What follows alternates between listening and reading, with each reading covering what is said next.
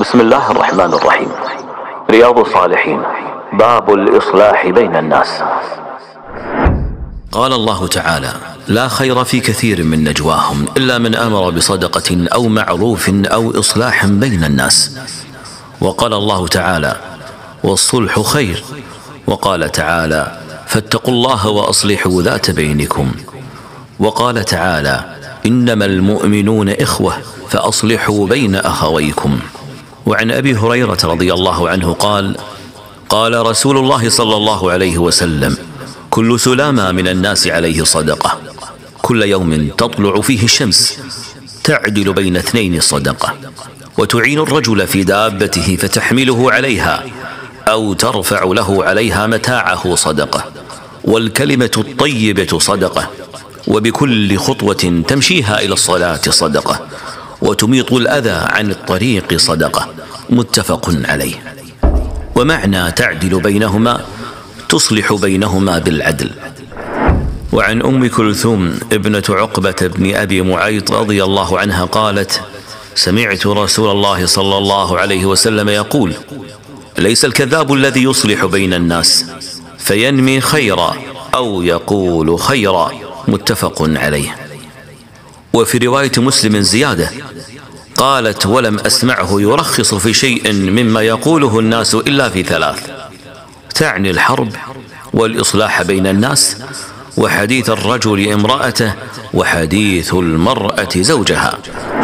وعن عائشة رضي الله عنها قالت سمع رسول الله صلى الله عليه وسلم صوت خصوم بالباب عالية أصواتهما وإذا أحدهما يستوضع الآخر ويسترفقه في شيء وهو يقول والله لا أفعل فخرج عليهما رسول الله صلى الله عليه وسلم فقال أين المتألي على الله؟ لا يفعل المعروف. فقال أنا يا رسول الله فله أي ذلك احب متفق عليه. معنى يستوضعه يسأله أن يضع عنه بعض دينه ويسترفقه يسأله الرفق والمتألي الحالف. وعن أبي العباس سهل بن سعد الساعدي رضي الله عنه أن رسول الله صلى الله عليه وسلم بلغه أن بني عمرو بن عوف كان بينهم شر فخرج رسول الله صلى الله عليه وسلم يصلح بينهم في أناس معه فحبس رسول الله صلى الله عليه وسلم وحانت الصلاة. فجاء بلال إلى أبي بكر رضي الله عنهما فقال يا أبا بكر إن رسول الله صلى الله عليه وسلم قد حبس وحانت الصلاة فهل لك أن تؤم الناس قال نعم إن شئت. فأقام بلال الصلاة وتقدم أبو بكر فكبر وكبر الناس. وجاء رسول الله صلى الله عليه وسلم يمشي في الصفوف حتى قام في الصف فأخذ الناس في التصفيق. وكان أبو بكر رضي الله عنه لا يلتفت في الصلاة فلما أخذ الناس في التصفيق التفت. فإذا رسول الله صلى الله عليه وسلم فأشار إليه رسول الله صلى الله عليه وسلم فرفع أبو بكر رضي الله عنه يده فحمد الله ورجع القهقري وراءه حتى قام في الصف. فتقدم رسول الله صلى الله عليه وسلم فصلى للناس. فلما فرغ أقبل على الناس فقال أيها الناس ما لكم حين نابكم شيء في الصلاة أخذتم في التصفيق؟ إنما التصفيق للنساء. من نابه شيء في صلاته فليقل سبحان الله فإنه لا يسمعه أحد حين يقول سبحان الله إلا التفت. يا أبا بكر ما منعك أن تصلي بالناس حين أشرت إليك؟ فقال أبو بكر ما كان ينبغي لابن أبي قحافة أن يصلي بالناس بين يدي رسول الله صلى الله عليه وسلم. متفق عليه. معنى حبس أمسكوه ليضيفوه. انتهى الباب. باب فضل ضعفة المسلمين والفقراء والخاملين. قال الله تعالى واصبر نفسك مع الذين يدعون ربهم بالغداة والعشي يريدون وجهه ولا تعد عيناك عنهم. وعن حارثة بن وهب رضي الله عنه قال سمعت رسول الله صلى الله عليه وسلم يقول ألا أخبركم بأهل الجنة؟ كل ضعيف متضعف لو أقسم على الله لأبره. ألا أخبركم بأهل النار؟ كل عتل جواظ مستكبر متفق عليه. العتل الغليظ الجافي والجواظ بفتح الجيم وتشديد الواو وبالضاء المعجمة وهو الجموع المنوع. وقيل الضخم المختال في مشيته وقيل القصير البطين. وعن أبي عباس سهل بن سعد الساعدي رضي الله عنه قال مر رجل على النبي صلى الله عليه وسلم فقال لرجل عنده جالس ما رأيك في هذا؟ قال رجل من أشراف الناس هذا والله حري إن خطب أن ينكح وإن شفع أن يشفع. فسكت رسول الله صلى الله عليه وسلم.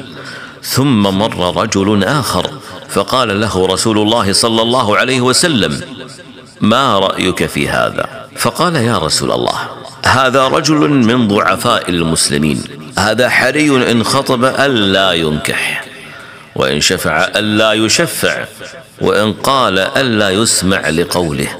فقال رسول الله صلى الله عليه وسلم هذا خير من ملء الأرض مثل هذا متفق عليه. قوله حري هو بفتح الحاء وكسر الراء وتشديد الياء أي حقيق وقوله شفع بفتح الفاء. وعن أبي سعيد الخدري رضي الله عنه عن النبي صلى الله عليه وسلم قال احتجت الجنة والنار. فقالت النار في الجبارون والمتكبرون. وقالت الجنة في ضعفاء الناس ومساكينهم. فقضى الله بينهما أنك الجنة رحمتي أرحم بك من أشاء وإنك النار عذابي أعذب بك من أشاء ولكليكما علي ملؤها رواه مسلم. وعن أبي هريرة رضي الله عنه عن رسول الله صلى الله عليه وسلم قال إنه ليأتي الرجل السمين العظيم يوم القيامة لا يزن عند الله جناح بعوضة. متفق عليه. وعنه أن امرأة سوداء كانت تقم المسجد أو شابا ففقدها أو فقده رسول الله صلى الله عليه وسلم فسأل عنها أو عنه فقالوا مات. فقال أفلا كنتم آذنتموني؟ فكأنهم صغروا أمرها أو أمره. فقال دلوني على قبره. فدلوه فصلى عليها. ثم قال إن هذه القبور مملوءة ظلمة على أهلها وإن الله تعالى ينورها لهم بصلاة عليهم. متفق عليه. قوله تقم هو بفتح التاء وضم القاف أي تكنس والقمامة الكناسة وآذنتموني بمد الهمزة أي أعلمتموني. وعنه قال قال رسول الله صلى الله عليه وسلم رب أشعث أغبر مدفوع بالأبواب لو أقسم على الله لأبره. رواه مسلم. وعن أسامة رضي الله عنه عن النبي صلى الله عليه وسلم قال قمت على باب الجنة فإذا عامة من دخلها المساكين وأصحاب الجد محبوسون غير أن أصحاب النار قد أمر بهم إلى النار وقمت على باب النار فإذا عامة من دخلها النساء متفق عليه. والجد بفتح الجيم الحظ والغنى وقوله محبوسون أي لم يؤذن لهم بعد في دخول الجنة. وعن أبي هريرة رضي الله عنه عن النبي صلى الله عليه وسلم قال لم يتكلم في المهد إلا ثلاثة. عيسى بن مريم وصاحب جريج. وكان جريج رجلا عابدا. فاتخذ صومعة فكان فيها فأتته أمه وهو يصلي فقالت يا جريج. فقال يا رب أمي وصلاتي. فأقبل على صلاته. فانصرفت فلما كان من الغد أتته وهو يصلي.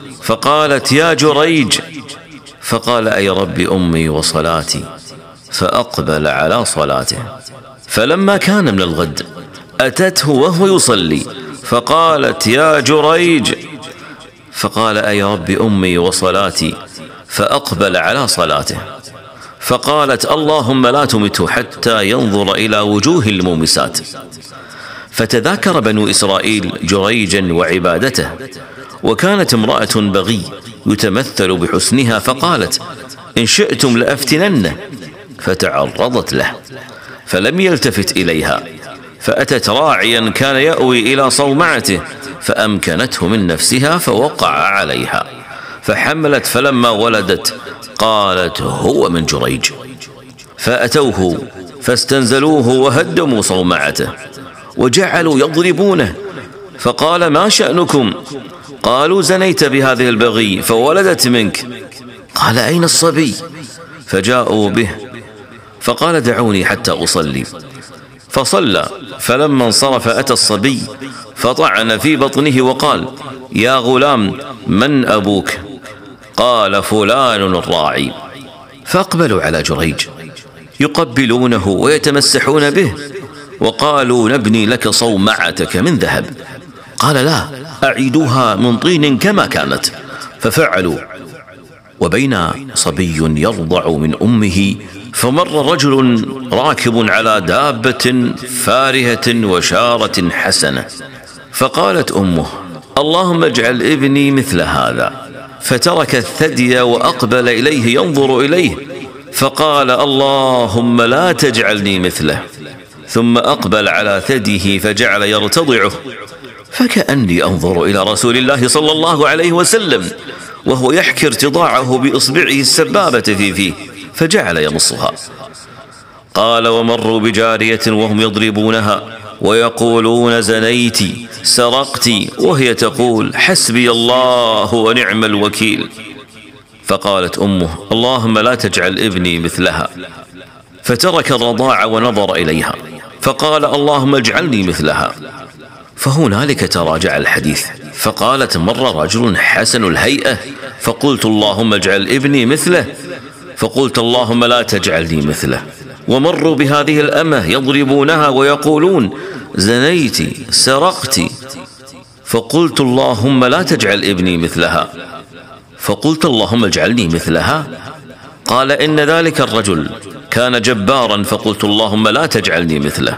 وإن هذه يقولون زنيت ولم تزني وسرقت ولم تسرق فقلت اللهم اجعلني مثلها متفق عليه. المومسات بضم الميم الأولى وإسكان الواو وكسر الميم الثانية وبالسين المهملة وهن الزواني والمومسة الزانية وقوله دابة فارهة بالفاء أي حاذقة نفيسة والشارة بالشين المعجمة وتخفيف الراء وهي الجمال الظاهر في الهيئة والملبس. ومعنى تراجع الحديث أي حدثت الصبي وحدثها. والله أعلم انتهى الباب.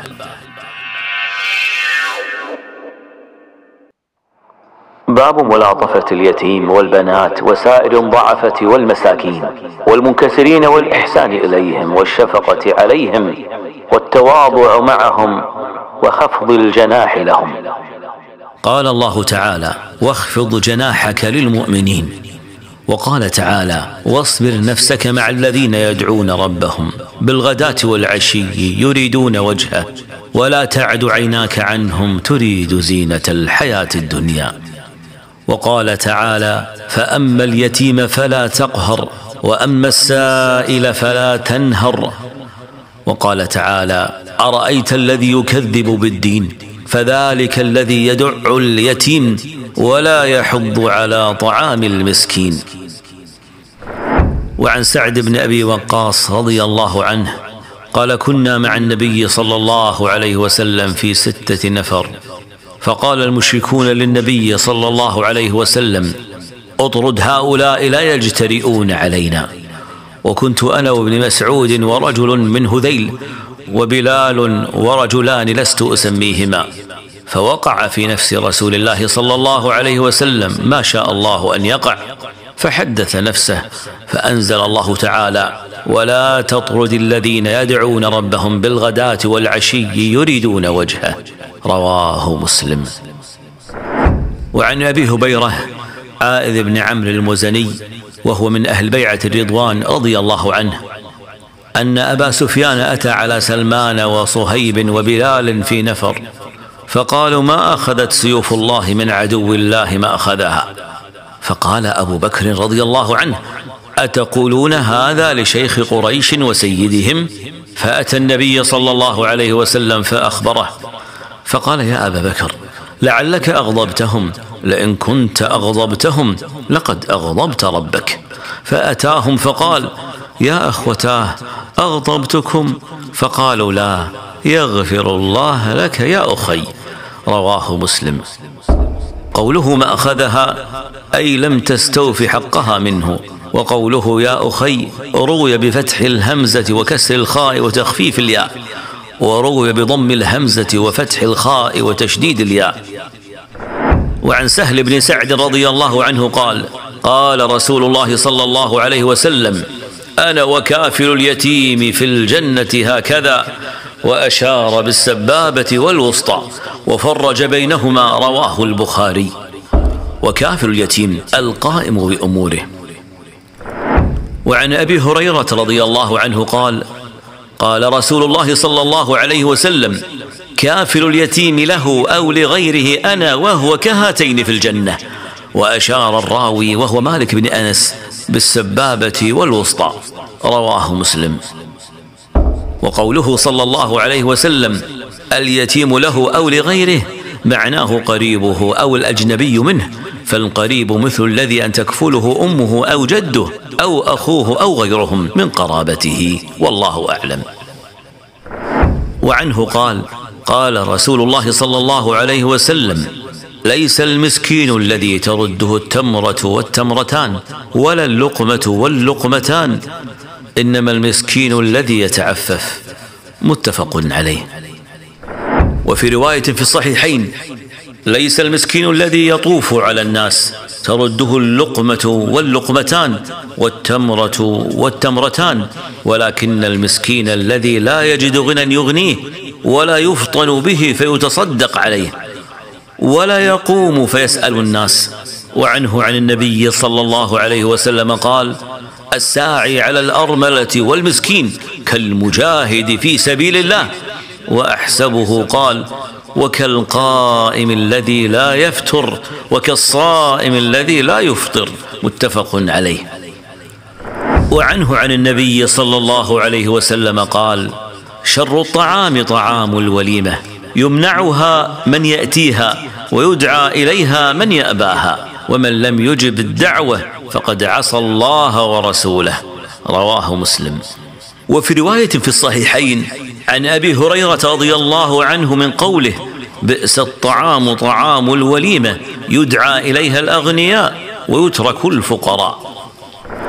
وعن أنس رضي الله عنه عن النبي صلى الله عليه وسلم قال من عال جاريتين حتى يبلغا جاء يوم القيامة أنا وهو كهاتين وضم أصابعه. رواه مسلم. جاريتين أي ابنتين؟ وعن عائشة رضي الله عنها قالت دخلت علي امرأة ومعها ابنتان لها. تسأل فلم تجد عندي شيئا غير تمرة واحدة فأعطيتها إياها فقسمتها بين ابنتيها ولم تأكل منها. ثم قامت فخرجت فدخل النبي صلى الله عليه وسلم علينا فأخبرته فقال من ابتلي من هذه البنات بشيء فأحسن إليهن كن له سترا من النار. متفق عليه. وعن عائشة رضي الله عنها قالت جاءتني مسكينة تحمل ابنتين لها فأطعمتها ثلاثة امرات. فأعطت كل واحدة منهما تمرة ورفعت إلى فيها تمرة لتأكلها فاستطعمتها ابنتاها فشقت التمرة التي كانت تريد أن تأكلها بينهما فأعجبني شأنها. فذكرت الذي صنعت لرسول الله صلى الله عليه وسلم فقال إن الله قد أوجب لها بها الجنة أو أعتقها بها من النار. رواه مسلم. وعن أبي شريح خويلد بن عمرو الخزاعي رضي الله عنه قال قال النبي صلى الله عليه وسلم اللهم إني أحرج حق الضعيفين اليتيم والمرأة. حديث حسن رواه النسائي بإسناد جيد. ومعنى أحرج ألحق الحرج وهو الإثم بمن ضيع حقهما وأحذر من ذلك تحذيرا بليغا. وأزجر عنه زجرا أكيدا. وعن مصعب بن سعد بن أبي وقاص رضي الله عنهما قال رأى سعد أن له فضلا على من دونه. فقال النبي صلى الله عليه وسلم هل تنصرون وترزقون إلا بضعفائكم؟ رواه البخاري هكذا مرسلا. فإن مصعب بن سعد تابعي. ورواه الحافظ أبو بكر البرقاني في صحيحه متصلا عن مصعب عن أبيه رضي الله عنه. وعن أبي الدرداء عويمر رضي الله عنه قال سمعت رسول الله صلى الله عليه وسلم يقول أبغوني الضعفاء فإنما تنصرون وترزقون بضعفائكم. رواه أبو داود بإسناد جيد. انتهى الباب وبالله التوفيق.